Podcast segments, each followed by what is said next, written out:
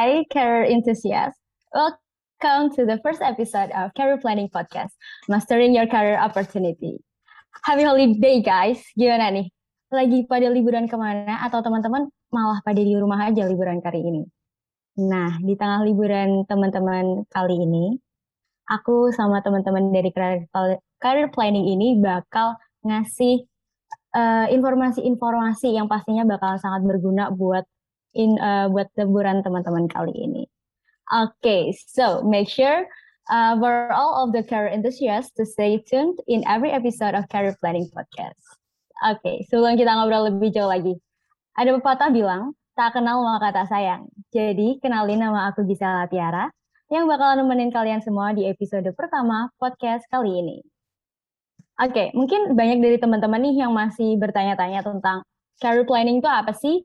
Uh, podcast hari ini tuh tentang apa gitu. Apa sih pentingnya dan urgensinya. Jadi teman-teman, career planning ini merupakan event yang diadain oleh Human Capital Department of uh, Himpunan Mahasiswa Jurusan Manajemen Fakultas Ekonomi dan Bisnis Universitas Brawijaya yang bakalan bahas tentang problematika dan lika-liku dunia karir. Jadi buat teman-teman yang mau tahu lebih jelas, jangan lupa buat follow dan kepoin at Career Planning 21.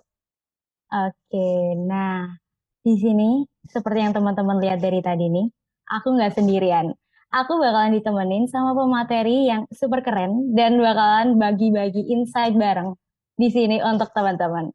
Langsung aja kita sambut Kak Rafael. Halo Kak Rafael, boleh? Selamat malam. Halo, halo, halo Gisela. Uh, kenalin nama aku Rafael, umur 19 tahun, dan sekarang aku adalah seorang mahasiswa di jurusan Teknik Sipil Institut Teknologi Bandung. Oke, terima kasih Kak Rafael buat perkenalan singkatnya ini. Jadi aku mau nambahin informasi juga nih buat teman-teman, kalau misalkan selain menjadi mahasiswa di Teknik Sipil Uni, uh, Institut Teknologi Bandung, Kak Rafael ini juga adalah seorang COO dari sebuah startup di Indonesia yaitu akademis.id. Oke, keren banget. Jadi Kak Rafael info aja nih. Akademis.id ini kurang lebih membantu aku buat akhirnya bisa masuk ke Brawijaya ini gitu. Thank you Kak Rafael. Nah, gimana nih Kak Rafael kabarnya? Aktivitasnya belakangan ini lagi ngapain aja? Kalau belakangan ini, saat ini kesibukan utama aku pasti kuliah. Sampingannya banyak. Pertama, tadi yang seperti yang tadi kamu bilang, mengembangkan startup akademis.id, ngerjain project-project cloud computing dari beberapa klien karena aku masih freelancer juga. Dan itu juga penting waktu untuk trading kalau misalkan aku lagi pengen.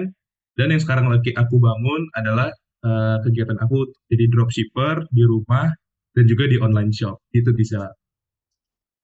Wow, kayaknya sibuk banget ya nih. Aku dengerin aja tuh kayak gimana bisa cara waktu gitu kan.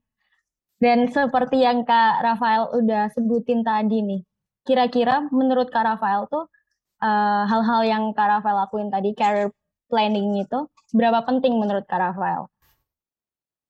Buat aku penting banget. Buat mahasiswa kekinian, untuk menjajal dunia karir sejak kita masih duduk di kuliah. Pertama, agar kita terbiasa dan tidak kaget saat masuk ke dunia karir yang kita impikan. Karena tidak semua orang mau berkarir sesuai dengan jurusan kuliahnya. Jadi nggak perlu nunggu lulus dulu dong untuk memulai karir.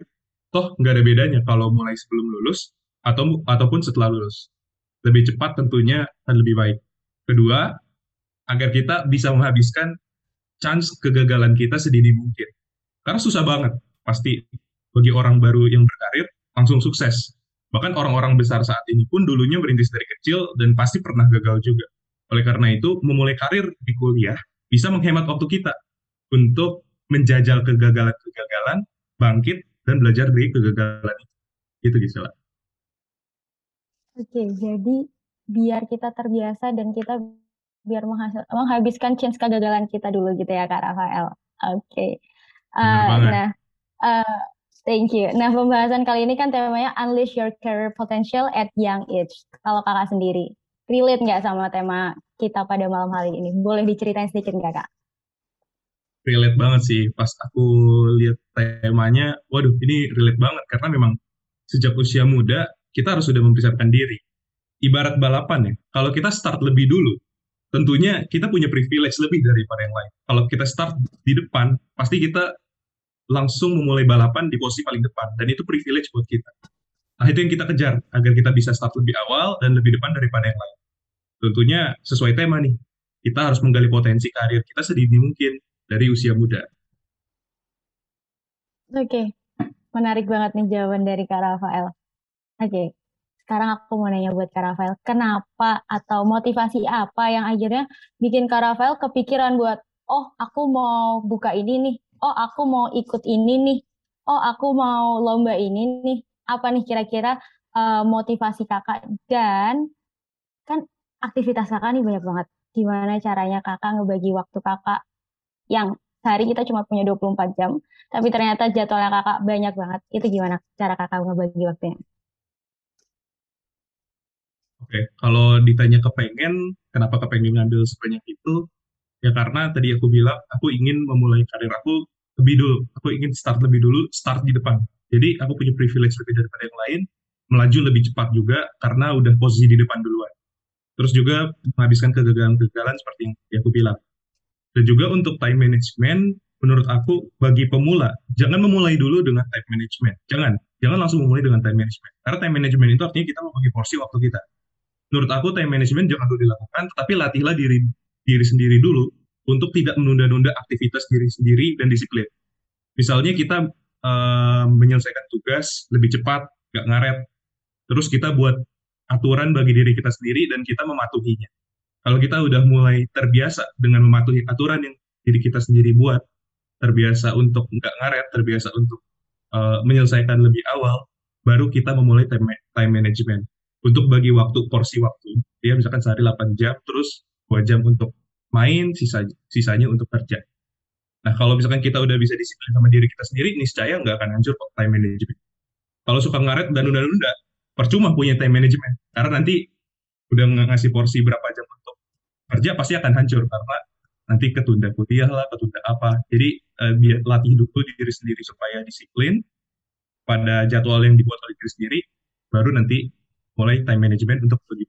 Kalau aku sih ngelaksainya gitu, bisa Oke, jadi poin pentingnya adalah tidak boleh menunda-nunda dan disiplin ya, Kak ya? Betul. Benar, oke, aku setuju banget. Mungkin buat teman-teman bisa langsung diterapin habis dengerin podcast ini. Oke, kita langsung aja masuk ke uh, yang pertama. Nah, menurut kakak nih, penting nggak uh, kuliah sambil kerja dulu selain alasan-alasan yang sebelumnya? Uh, kenapa? Dan privilege-privilege uh, apa yang bisa kita dapetin? Kan kakak, uh, yang kakak bilang tadi kita kalau kerja dulu kita bisa dapat privilege start dulu, kita dapat privilege kira-kira kurang lebih apa sih yang bisa kita dapetin gitu? Terima kasih ya. Oke, kalau yang bisa kita dapetin ya, uh, pertama tadi yang aku bilang menyesuaikan dengan lingkungan kerja, start lebih awal, menghabiskan kegagalan kita. Kalau yang kita dapetin tentunya bisa banyak. Karena bekerja itu nggak harus selalu uang. Ada juga uh, bekerja, ada juga bekerja yang dibayar dengan pengalaman. Contohnya internship ada juga kalau misalkan kalian memang ingin menambah penghasilan tambahan, kalian bisa bekerja untuk uang, misalnya uh, jadi dropshipper atau reseller toko, itu banyak kok. Google bisa kalian searching aja kalau misalkan kalian mau bantu jualin ke orang lain dan bisa dapetin selisih harganya sebagai keuntungan kalian itu juga bisa. Jadi buat aku kalau di masa-masa kuliah ini kalian bisa pilih dua itu. Belajar untuk eh maksud saya maksud aku bekerja untuk belajar ataupun bekerja untuk uang. Tinggal disesuaikan saja sama kebutuhan kalian masing-masing. Mungkin tiap orang bisa beda-beda. Oke, jadi kalau misalkan ada nih dari teman-teman yang pingin banget ngikutin career path yang kayak kakak punya. Jadi sebenarnya setiap orang itu berbeda ya kak, tergantung dirinya ya. sendiri. Uh, tujuan awalnya dari uh, bekerja itu untuk apa? Bekerja untuk pengalaman atau bekerja untuk uang gitu ya kak? Oke, benar-benar benar. Nah, oke. Kira-kira nih Kak, uh, kan udah nih apa yang bisa kita dapat. Sekarang aku mau nanya tentang kira-kira rintangan-rintangan uh, yang bakal dihadepin sama Kakak yang udah mengalami dan mungkin sama teman-teman yang mau mencoba untuk uh, terjun ke dunia kerja sambil kuliah ini itu apa kak? Mungkin di lingkungan kerjaannya terus pengaruhnya ke dunia kuliahnya itu seperti apa gitu? Oke, okay, di pekerjaan mostly yang kita hadapi itu customer. Sepengalaman aku menghadapi customer yang kerjanya proyekan, pernah aku diminta revisi sampai tiga kali, padahal bukan kesalahan aku, karena aku udah menyepakati apa menyelesaikan apa yang customer minta di awal. Tapi ternyata uh, seiring berjalannya waktu, customer tersebut merasa kayaknya yang sudah saya tetapkan di awal nih kayaknya kurang fit dengan Tuhan kebutuhan usahanya. Jadi minta revisi lagi. Dan sayangnya di awal nggak ada perjanjian yang uh, mengatur berapa kali jumlah revisi yang diperbolehkan. Sampai akhirnya aku melakukan revisi itu. Jadi harus luangin waktu lagi. Jadi saran aku untuk teman-teman yang ingat jadi freelancer, uh, buatlah perjanjian sedetail mungkin di awal. Sehingga ketika kesepakatan itu terjadi, kalian bisa lebih safe karena ada perjanjian di awal. Sekarang banyak kok situs-situs yang menyediakan uh, platform-platform yang mempertemukan antara freelancer dan juga orang yang membutuhkan jasa seperti Fiverr untuk skala internasional dan juga freelancer untuk freelancer.co.id untuk skala nasional. Itu kalau kerjanya proyekan. Terus kalau misalkan jadi reseller atau dropshipper, kalau barang yang kita jual jelek, reputasi kita yang jelek. Padahal itu bukan salah kita, karena barang yang kita jual adalah barang dari seller resmi. Kita cuma reseller atau dropshipper. Apalagi kalau barang yang kita barang yang dikirim seller itu cacat ke buyer kita. Klaimnya bakal ribet banget karena dari buyer harus kirim barang dulu ke kita, baru kita kirim barang ke seller. Nanti seller baru mengganti barang tersebut, barang cacat tersebut ke barang yang sehat, barang yang baru. Nah, prosesnya sangat ribet sekali karena makan waktu dan biaya. Mulai kenapa harus itu harus dilakukan? Soalnya buyer nggak mungkin kontak langsung dengan seller resmi gitu seller asli di mana kita mendapatkan barangnya. Pasti kan buyer kontaknya itu ke kita karena mereka belinya sama kita. Nah alur inilah yang jadi kelemahan sistem reseller dan dropshipper. Jadinya kalau misalnya ada barang cacat bakal ribet banget makan waktu dan makan biaya kalau misalkan uh, teman-teman semua ada yang mau cari penghasilan tambahan dengan uh, berprofesi menjadi trader, kalau kalian jago analisa chart, yang dihadapin itu ya loss atau kerugian. Makanya wajib punya trade plan dengan manajemen risiko yang disesuaikan dengan keinginan kalian masing-masing. Misalnya, take profit di 5%, stop loss di 3%. Kalau misalkan kalian nggak punya waktu untuk jaga-jaga kalau market lagi crash, market lagi uh, uptrend, kalian bisa pakai fitur trailing stop untuk ngatur uh, take profit sama stop loss kalian di aplikasi. Jadi bisa pilih aplikasi yang atau platform yang sesuai yang punya trailing stop karena sebagai mahasiswa kita nggak mungkin cek atau ngeliatin uh, chart setiap saat. Jadi bisa dipakai fitur trailing stop itu. Atau kalau mau mantengin chart bisa pakai paling gampang ya bisa mantengin golden cross MACD sebagai indikator googling aja lah untuk caranya itu banyak. Kalau teman-teman suka fotografi, ngelukis, bikin vektor, kalian bisa juga jual foto kalian di situs-situs online seperti Shutterstock dan lain-lain. Karena di zaman sekarang ini banyak juga kok produk digital yang bisa diuangkan, termasuk foto ataupun lukisan, vektor dan lain-lain. Dari semuanya dua hal yang ngaruh ke kuliah. Yang pertama psikologis, yang kedua time management jaga psikologis kalian. Bedain diri kalian saat kuliah dan saat kerja. Karena keduanya punya tujuan yang berbeda. Kalau time management, kalian yang bertanggung jawab atas waktu kalian sendiri. Berikan porsi utama ke kuliah, nanti kalau misalnya ada sisa, baru buat bekerja. Kalau aku sih biasanya uh, karena apa ya karena jadwal kuliah itu udah dirilis sama program studi prodi ke semua mahasiswa jadi aku udah lihat tuh oh kosong kosongnya tuh di mana aja Nah, dari kosong-kosong ini, kosong-kosong waktu kuliah, nggak aku langsung pakai untuk bekerja. Tapi aku sisihkan dulu untuk ngerjain tugas. Jadi kalau misalkan hari Senin pagi sampai sore ada kuliah, hari Selasa cuma pagi doang, oh mungkin aku sisihin hari Selasa siang sampai sore untuk ngerjain tugas. Nanti setelah aku sisihin untuk ngerjain tugas, waktu untuk ngerjain tugas baru sisanya dipakai untuk kegiatan lain. Jadi tetap jaga psikologis, jaga time management, tetap utamakan kuliahnya terlebih dahulu misalnya itu jadi dari semua ini dari yang uh, customer, produk atau loss gitu. Uh, jadi yang terpenting adalah kita untuk punya planning ya kak ya. Betul. Biar buat mencegah kegagalan-kegagalan yang ada dan uh, semua itu akan berimpact pada psikologis dan time management. Dan itu tadi mungkin ada tips and trick dari Kak Rafael yang udah disebutin sama Kak Rafael nih teman-teman. Buat teman-teman bisa banget diikutin mungkin. Jadi gampang nih jadinya buat kapan harus bagi waktu buat main, kerja, ataupun kuliah. Kayak gitu. Tapi yang pasti kuliah itu yang terpenting ya Kak Rafael ya. Betul banget. Oke. Okay. Nah, kalau Kak Rafael nih, tadi ada COO akademis, menjadi uh, kuliah mahasiswa juga. Terus ikut lomba, uh, sekarang buka dropshipper. Pernah nggak sih Kak, dari semua aktivitas-aktivitas itu tuh kakak ngerasa bosen atau ngerasa jenuh, ngerasa capek, kayak mempertanyakan apa sih yang lagi dilakuin nih, kayak gitu. Kira-kira uh, gimana juga cara buat ngatasin kalau misalkan kita lagi bosen atau kita lagi capek, kayak gitu, Kak?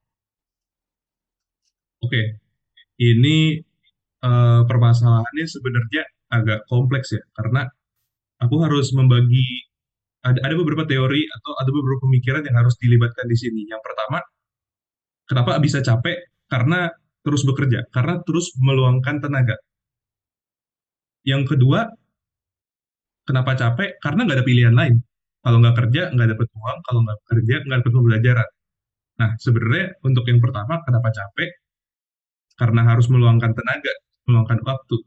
Aku sudah mulai berpikir nih, karena aku udah banyak bekerja di beberapa bidang tadi yang sebutin, jadi aku mulai berpikir bagaimana aku bisa membuat sebuah pekerjaan yang aku lakukan, dan nanti ketika aku sudah capek, aku sudah bosen, uh, pekerjaan ini tuh bisa berjalan dengan sendirinya, otomatis. Nah, pekerjaan ini kalau misalkan udah bisa berjalan dengan sendirinya, nanti bisa menghasilkan passive income yang datang ke aku secara sendirinya juga tanpa aku harus ngeliatin tiap hari tanpa harus musingin. Nah itu case pertama. Jadi aku berusaha untuk cari industri-industri yang di mana aku nggak harus nggak harus ada di sana untuk menghasilkan uang. Dan salah satunya adalah tadi uh, menjadi dropshipper atau reseller. Kalau misalkan kita udah ketemu supplier-supplier yang punya produk harga murah atau uh, kalian mau franchise kalau main duit gede juga nggak apa-apa itu bakal enak banget karena kalau misalkan udah full supplier yang enak, terus kalian running bisnisnya, jualan di online shop, yang jaga toko nggak harus kalian. Kalian bisa hire uh, orang lain. Misalkan kalian gaji UMR, terus misalkan profit sebulannya 5 juta, gaji UMR 3 juta, berarti kan selisihnya 2 juta buat buat kalian. Bayangin 2 juta buat kalian sendiri tanpa harus ngapa-ngapain. Mendingan mana? Mendingan capek dapat 5 juta sendiri atau nggak ngapa-ngapain dapat 2 juta. Nah, aku sih lebih milih nggak ngapa-ngapain dapat 2 juta. Nah, makanya case pertama, kalau misalnya nggak mau capek, cari industri-industri yang di mana kalian bisa bangun passive income di masa depan. Dan tadi kalau aku milihnya salah satunya dengan jadi dropshipper, seller yang uh, ada toko fisiknya gitu, baik baik itu offline boleh atau digital juga apa-apa. Nah, case kedua, kalau misalkan kita capek benar-benar karena pekerjaan kita, misalkan tadi ya udah, udah mager lah, udah malas banget, uh, kalau ngelihat chart tuh udah bosen lihat indikator. Udah bosen terus uh, ngoding juga udah bosen ngerjain project-project cloud computing juga udah bosen. Nah ini bener-bener kecapean yang nggak bisa diviralkan karena mau nggak mau harus kita kerjain kan sebagai freelancer. Kalau misalkan aku capek aku biasanya memang menenangkan diri dulu. Paling sering aku menenangkan diri dengan olahraga. Biasanya aku jogging keliling keliling komplek uh, untuk menghilangkan rasa kebosanan. Dan juga uh, kalau aku pribadi, aku selalu sisihkan waktu kira-kira satu jam lah setiap malam sebelum aku tidur untuk main game. Jadi tetap bisa apa ya menyenangkan diri aku sendiri untuk main game satu jam kurang lebih satu jam lah tiap malam sebelum tidur. Terus juga kalau misalkan aku lagi ngerjain project cloud computing, gak harus terus di depan laptop uh, ngerjain codingan gitu, tapi aku juga pernah bahkan bahkan gak cuma pernah sering. Lebih dari lima kali lah ngerjain project sambil mikirin codingan sambil searching googling googling sambil juga discordan sama teman. Jadi teman-teman aku lagi discord terus lagi ngobrol lagi bercanda-canda aku join aja sambil dengerin mereka ngelawak sambil ngerjain hal-hal yang lain. Dan aku rasa itu sudah cukup untuk memuaskan diri aku sendiri untuk hibur aku supaya dengan kegiatan aku aktivitas sehari-hari uh, tetap bisa lancar. Jadi setiap orang punya preferensi hiburan yang berbeda-beda untuk mengatasi capeknya masing-masing. Nah, silahkan kalian cari kira-kira untuk diri kalian masing-masing itu apa sih yang cocok? Mungkin yang suka fotografi, suka jalan-jalan, traveling, atau yang suka main game, ya silahkan main game, atau yang suka uh, yang suka bergaul sama teman, ya main ke rumah teman kalian dan sebagainya. Jadi tetap harus bagi waktu juga untuk untuk relax dengan diri kalian sendiri, enjoy dengan diri kalian sendiri. Bahkan bukan tidak mungkin kayak tadi aku kayak tadi aku sambil enjoy, sambil kerja juga, sambil discord dan sama teman, sambil ngoding juga. Itu juga possible. Tinggal disesuaikan saja sama sama kebutuhan kalian masing-masing. Gitu Gisela. Oke, jadi kalau misalkan capek, cari uh, kegiatan yang tetap bisa menghibur diri, tapi tetap tahu diri, uh, tahu tetap tahu waktu gitu ya kak? Tetap sehari harus yep. ngeluangin waktu buat entertain diri kita sendiri at least ya kak? Biar tetap sane ya kitanya bener. Terus jangan lupa juga buat work smart kayak jadi dropshipper itu. Ya kak? Asik banget. Oke terima kasih. Ini sarannya berguna banget buat teman-teman. Jadi teman-teman kalau misalkan lagi hmm, suntuk-suntuknya nih kuliah atau sambil kerja bisa banget di uh, istirahat dulu uh, mungkin ya kayak Kak Rafael jogging-jogging uh, melepaskan penat atau mungkin bisa diskortan sama teman-teman sambil tetap uh, ngerjain kegiatan uh, tugas ataupun kerjaan gitu ya Kak. Oke, okay. nah selanjutnya nih Kak, kalau misalkan menurut pandangan Kakak, uh, Kakak kan udah ikut tadi dari lomba sampai membuka uh, akademis.id ini. Sebenarnya uh, penting ya sih Kak ikut kegiatan-kegiatan yang diadain dari kampus, dari lomba ataupun organisasi ataupun uh, panitia-panitiaan kayak gitu. Menurut Kakak tuh urgensi dari aktivitas-aktivitas kampus nih seberapa pentingnya sih untuk uh, ke depannya nanti untuk uh, ke pekerjaan ke karir kita itu seberapa pentingnya kak? Oke, sebenarnya penting kok dan bisa dibilang berpengaruh juga. Kenapa aku bisa bilang berpengaruh? Yang pertama tadi masih tentang time management. Karena kalian juga harus menyisihkan waktu kan untuk organisasi, nggak cuma untuk kuliah aja. Kalau kalian mau kerja, ya tentu porsi organisasi kampusnya bisa dikurangi. Nah, kalau kalau aku pribadi, kalau aku di kampus, organisasi, aku nggak ikut UKM, karena aku mau bagi waktu untuk kerja. Jadi aku cuma aktif di himpunan mahasiswa aja, himpunan mahasiswa jurusan. Jadi aku nggak ikut UKM. Jadi masih bisa kasih waktu untuk pekerjaan. Nah, kedua, cara kita handle orang. Biasanya kita di organisasi kan ngelakuin sesu sesuatu sesuai untuk memenuhi tugas dari kadif kita. Misalkan, misalkan kita di tim apa, ada kadifnya, terus kita melakukan sesuatu yang sesuai sama yang kadif kita inginkan. Dan kalau kita kinerja kita jelek, nanti kita dikomentarin atau dikasih saran kan. Nah, itu juga terjadi kok di dunia. Ya, terutama kalau kalian mau jadi freelancer, nanti yang komentarin kalian itu adalah klien kalian. Dan bayangkan, kalau misalkan kalian bekerja secara tim di dalam sebuah organisasi, terus performa kalian jelek, mungkin masih bisa di cover sama teman kalian. Tapi kalau kalian jadi freelancer, kalau kinerja kalian jelek atau kalian yang nggak puas, nggak ada orang lain yang bisa bantu kalian.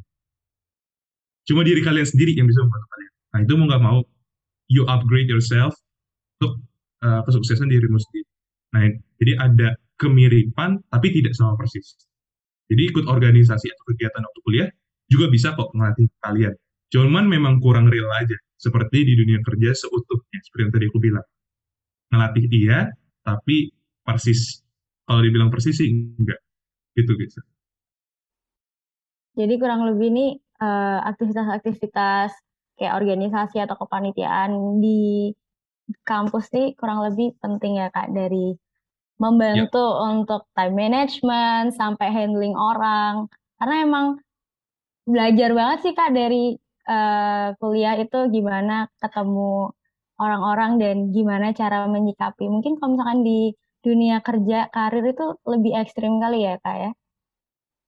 Iya lebih ekstrim karena tanggung jawabnya lebih tinggi.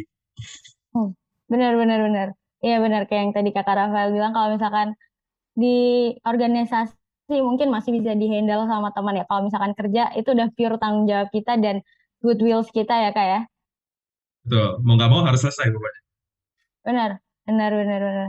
Setuju banget nih, mau nggak mau harus selesai. Jadi teman-teman nih, uh, kalau misalkan di dunia kampus itu kurang lebih sama dengan di dunia karir. Cuma kalau misalkan di dunia karir ini emang lebih serius dan tanggung jawabnya lebih besar lagi.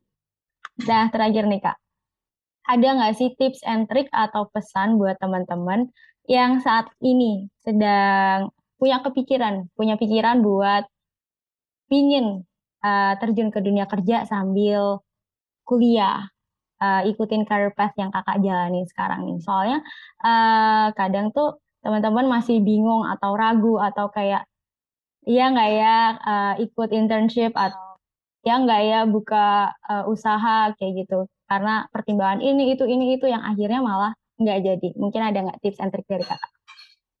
Menurut aku nggak ada alasan untuk memulai ya. Karena orang sukses yang bermental sukses itu udah pasti juga punya mental gagal. Mental gagal itu mental yang siap untuk bangkit lagi saat gagal. Jadi ada ada juga beberapa teman aku yang sebenarnya mau memulai tapi mereka takut ah el gue nggak ada modal kayaknya nggak bisa deh Padahal sebenarnya bisa kok kalau misalkan kalian mau usaha tanpa modal. Bahkan untuk jadi dropshipper atau reseller aja juga itu tanpa modal. Karena kan kita bantu produk orang lain kan, kita nggak harus beli produk dia. Itu juga tanpa modal. Jadi kalian bisa cari lokasi-lokasi industri strategis ataupun breakdown masalah sampai sekecil mungkin. Mulai dari orang-orang yang terdekat sama kalian, seperti dekat, circle kalian, atau adik kakak juga bisa. Dan kenapa aku bilang gak ada alasan untuk mulai, karena kalian sebenarnya harus mengerti how to build MVP. MVP itu adalah minimum viable product. Jadi kalau kalian search di Google Image how to build MVP, nanti kalian akan ketemu gambar yang akan memberikan ilustrasi bagaimana sebuah sistem itu berjalan. Nah, gue jelasin dikit aja, bagaimana sebuah sistem bisa berjalan. Misalnya kita mau bikin mobil, katakanlah suatu merek mobil lah, mobil yang ada di zaman sekarang. Nah, untuk asumsilah mobil itu adalah sebuah sistem, sebuah bisnis atau pekerjaan yang kita impikan. Nah, kalau misalkan kita mau buat mobil, langkah yang salah adalah dengan membeli ban, membeli rangka mobil, membeli mesin, lalu merakit dan jadi mobil itu. Itu adalah langkah yang salah untuk membuat sebuah sistem. Untuk membuat sebuah sistem yang benar, atau tujuan akhir kita ini asumsi adalah mobil, adalah dengan membuat langkah-langkah yang bisa berjalan walaupun lebih sederhana. Contoh, kita untuk membuat sebuah mobil kita buat buat dulu uh, skateboard, sepeda, sepeda motor, bemo, baru mobil. Jadi dari semua langkah-langkah itu semuanya bisa kerja. Dari mulai skateboard itu juga bisa memudahkan kita dari satu tempat ke tempat yang lain. Sepeda juga bisa, motor lebih canggih dengan mesin bemo, mungkin nggak kena hujan, mobil lebih advance lagi, lebih nyaman. Jangan bikin mobil kayak nyiapin dulu beli dulu bannya, beli rangka mobilnya, beli mesin, rakit baru jadi. Jadi setiap setiap langkah tadi pas beli ban itu nggak nggak nggak bisa membantu kalian. Beli ban rangka mobil itu juga nggak bisa. Beli ban rangka mobil sama mesin itu juga nggak bisa karena harus dirakit dulu baru jadi mobil. Nah, maka dari itu buatlah sebuah sistem atau kalau misalkan kalian mau memulai, memulailah dari kecil yang terlebih dahulu yang bisa jalan mulai dari skateboard, sepeda, sepeda motor, baru mobil. Nah, itu adalah mindset yang benar. Jadi pasti bisa di breakdown masalahnya sekecil mungkin sampai itu akhirnya bisa jalan. Jadi jangan takut untuk memulai karena semua yang besar mobil dulunya juga sepeda, dulunya skateboard gitu. Dulunya juga kecil. Jadi gak akan ada sesuatu yang besar kalau yang kecil itu juga gak ada. Jadi aku sangat memotivasi untuk teman-teman yang memulai karir kalian sejak usia muda. Oke, jadi nggak ada alasan buat nggak memulai ini teman-teman. Karena hmm. kenapa nggak dicoba aja, bener ya kak? Yang pasti iya. harus yeah. uh, work smart ya kak? Betul. Biar efisien tenaga, efisien waktu, dan yang pasti kita juga harus punya mental gagal. Gimana pun itu pasti akan ada fase gagal. Benar kak? Kalau misalkan um, terakhir nih dari aku pertanyaan pribadi. Uh, ketika kita gagal nih di karir kita, gimana cara kita motivasi diri kita biar balik lagi, bangkit lagi, ngejar karir yang lain, atau tetap di karir yang sama, di uh, jalur yang sama, atau mungkin ke jalur yang lain, itu gimana Kak? Oke, itu pertanyaan yang sangat bagus. Kalau misalkan kita gagal, apakah kita stay di industri ini atau kita pindah ke industri yang lain?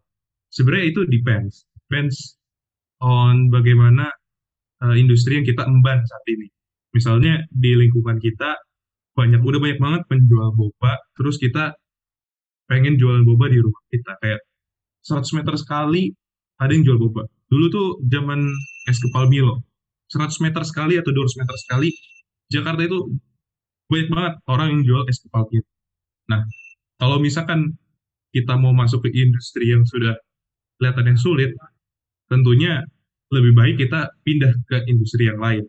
Kalau misalkan masih potensial, baru kita masih berani stay di industri tersebut. Jadi kalau misalkan kita ditanya apakah mau stay atau mau pindah, it depends on the industry. Contoh beberapa industri yang bertahan atau pekerjaan-pekerjaan yang bisa bertahan itu adalah pekerjaan-pekerjaan yang sebenarnya sudah familiar kan pekerjaan kan pekerjaan-pekerjaan yang terkait dengan uh, temporal atau yang bersifat bergantung pada momentum. Contoh tadi dulu tren es kepal Milo itu di mana-mana. Jadi kalau kita outlet es kepal Milo mungkin rame, mungkin ada yang beli atau gimana kita nggak tahu. Nah, kalau misalkan sekarang kita jual es kepal Milo, tentu apa namanya inisiasi publik untuk mengkonsumsi es kepal Milo itu tidak setinggi zaman dulu. Jadi jualan es kepal Milo dulu sama sekarang tentu lebih menguntungkan dulu. Sekarang udah redup. Jadi lebih baik ganti ke industri yang lain lebih sustain. Nah, karena kita lihat ya di masa depan industri digital itu sangat baik, jadi teman-teman bisa uh, mulai memanfaatkan industri digital. Kalau misalkan mau masuk ke industri retail, bisa uh, pakai online shop seperti Tokopedia, Shopee, terus uh, Lazada dan lain sebagainya. Nah, kalau buat aku pribadi ya, maksudnya secara pribadi sikap aku seperti apa, kalau misalkan aku gagal, aku lebih memilih untuk stay di industri itu. Karena sebelum aku memulai sekalipun, aku juga sudah harus memastikan bahwa industri ini capable buat diri aku sendiri. Capable itu seperti apa? Pertama, aku punya niat dan kemauan untuk belajar di industri itu. Kedua, menurut aku industri ini juga belum terlalu rame di orang di sekitar aku. Jadi masih ada customer yang bisa aku jangkau. Contoh seperti tadi, kenapa aku jadi freelancer uh, cloud computing? Karena cloud computing itu belum terlalu familiar di Indonesia dan masih banyak bisnis atau banyak pebisnis yang melakukan kontrol manual kepada toko-toko mereka. Belum ada kayak masih sedikit lah pebisnis yang bisa ngontrol semua bisnis mereka di dalam satu platform, satu website yang mereka punya sendiri itu jarang banget di Indonesia. Jadi karena masih jarang makanya aku masuk di situ dan aku rasa industri itu bisa sustain lah kalau buat diri aku sendiri. Nah, jadi kalau pandangan pribadi sih ya, aku lebih suka untuk bertahan di industri karena ketika memulai pun aku udah yakin kalau di industri ini aku punya potensi dan bisa bertahan. Tapi kalau misalkan dari awal aku udah sadar kalau aku nggak bisa masuk industri itu, ya aku nggak bakalan masuk. Pasti pilih industri yang aku bisa. Contoh, aku nggak jago banget gambar, desain, apalagi yang kayak gitu-kayak gitu lah, kreatif gitu pokoknya kalau masalah posan kalau di akademi.id desain aku nggak nggak megang secara langsung. Karena aku emang nggak bakat. Jadi aku nggak aku nggak apa berjasa di bidang kreatif. Aku juga nggak suka fotografi nggak suka foto-foto. Jadi aku nggak jualan foto di shutter ya Shutterstock jadinya aku nggak ngambil industri itu karena memang aku nggak yakin sama kapabilitas diri aku sendiri. Tapi kalau misalnya kalian suka foto-foto terus teman-teman teman-teman kalian suka foto-foto kalian, ya why not? You berjuang di Shutterstock, kalian berusaha untuk cari foto-foto yang bermakna, foto-foto yang esensial, terus jualan di sana ya, itu bisa-bisa aja. Jadi disesuaikan juga sama diri kalian sendiri. Nah, dan kalau udah masuk ke industri tersebut yang kalian suka dan potensial, kalau aku jadi kalian, aku akan bertahan. Karena sulit menemukan industri lain yang fit sama kita. Karena menemukan industrinya aja udah susah, apalagi mau bertahan. Jadi menurut aku lebih lebih gampang bertahan daripada cari industri baru. Gitu Gisel. Jadi aku lebih milih bertahan. Menarik banget jawabannya dari Kak Rafael. Kalau dari Kak Rafael milih bertahan, tapi mungkin kalau dari teman-teman mungkin dengan yang berbeda. Tapi yang pasti, yang sama-sama harus kita tahu adalah kita harus punya plan sebelum kita memulai itu. Plan yang matang, ya Kak ya. Benar, plan untuk Jadi, memilih industrinya. Uh, benar, oke. Okay. Jadi plan untuk memilih industri apa yang mau kita masukin atau uh, pekerjaan apa yang akan kita ikutin dan akan kita jalanin. Biar kalaupun kita gagal, at least kita uh, mendapatkan sesuatu dan tetap ada uh, berjuangnya itu tadi gitu. Oke Kak Rafael, itu tadi pertanyaan terakhir dari aku dan dari uh, teman-teman The Career Planning. Nggak kerasa banget, udah di penghujung podcast. Aku ngerasa bersyukur banget bisa jadi moderator dan ngobrol sama Kak Rafael, dapat insight baru, pandangan-pandangan baru tentang uh, gimana cara uh, di karir-karir di dunia kerja itu. Terima kasih buat Kak Rafael udah nyempetin waktu dan nemenin aku ngobrol di podcast kali ini. Semangat terus buat uh, kuliahnya, semangat juga untuk uh, karir-karirnya di dari mungkin dari uh, akademis.id sampai dropshipper dan mungkin untuk lomba-lomba yang lain. Semoga uh, semuanya lancar dan stay safe and stay healthy. Terima kasih Kak. Ya, sama-sama. Thank you juga teman-teman Career Planning. Sukses selalu untuk kalian semua. Oke. Nah, teman-teman, itu dia tadi uh, perbincangan dari aku dan Kak Rafael sebagai pemateri. Mungkin cukup sekian dulu untuk podcast hari ini. Aku mau ngucapin terima kasih buat teman-teman yang udah ngeluarin waktu dan ngedengerin podcast kita uh, pada episode pertama. Semoga podcast kita yang pertama ini benar-benar ngasih insight yang baru buat teman-teman dan benar-benar bermanfaat buat teman-teman untuk menentukan karir dan apa yang harus dilakukan untuk uh, karir-karir teman-teman pada saat kuliah maupun nanti setelah kuliah. Jangan lupa juga aku mau ngingetin teman-teman untuk follow at career planning 21 di IG buat teman-teman yang kepo lagi nih tentang apa ya episode selanjutnya uh, akan ngebahas apa yang pastinya juga nggak kalah akan memberikan insight. Jadi uh, buruan follow Career Planning 21 buat uh, tahu tentang lika-liku dunia karir itu gimana. Aku Gizala Tiara, pamit undur diri. Uh, see you in the next podcast. Bye-bye. Selamat malam. Terima kasih Kak Rafael.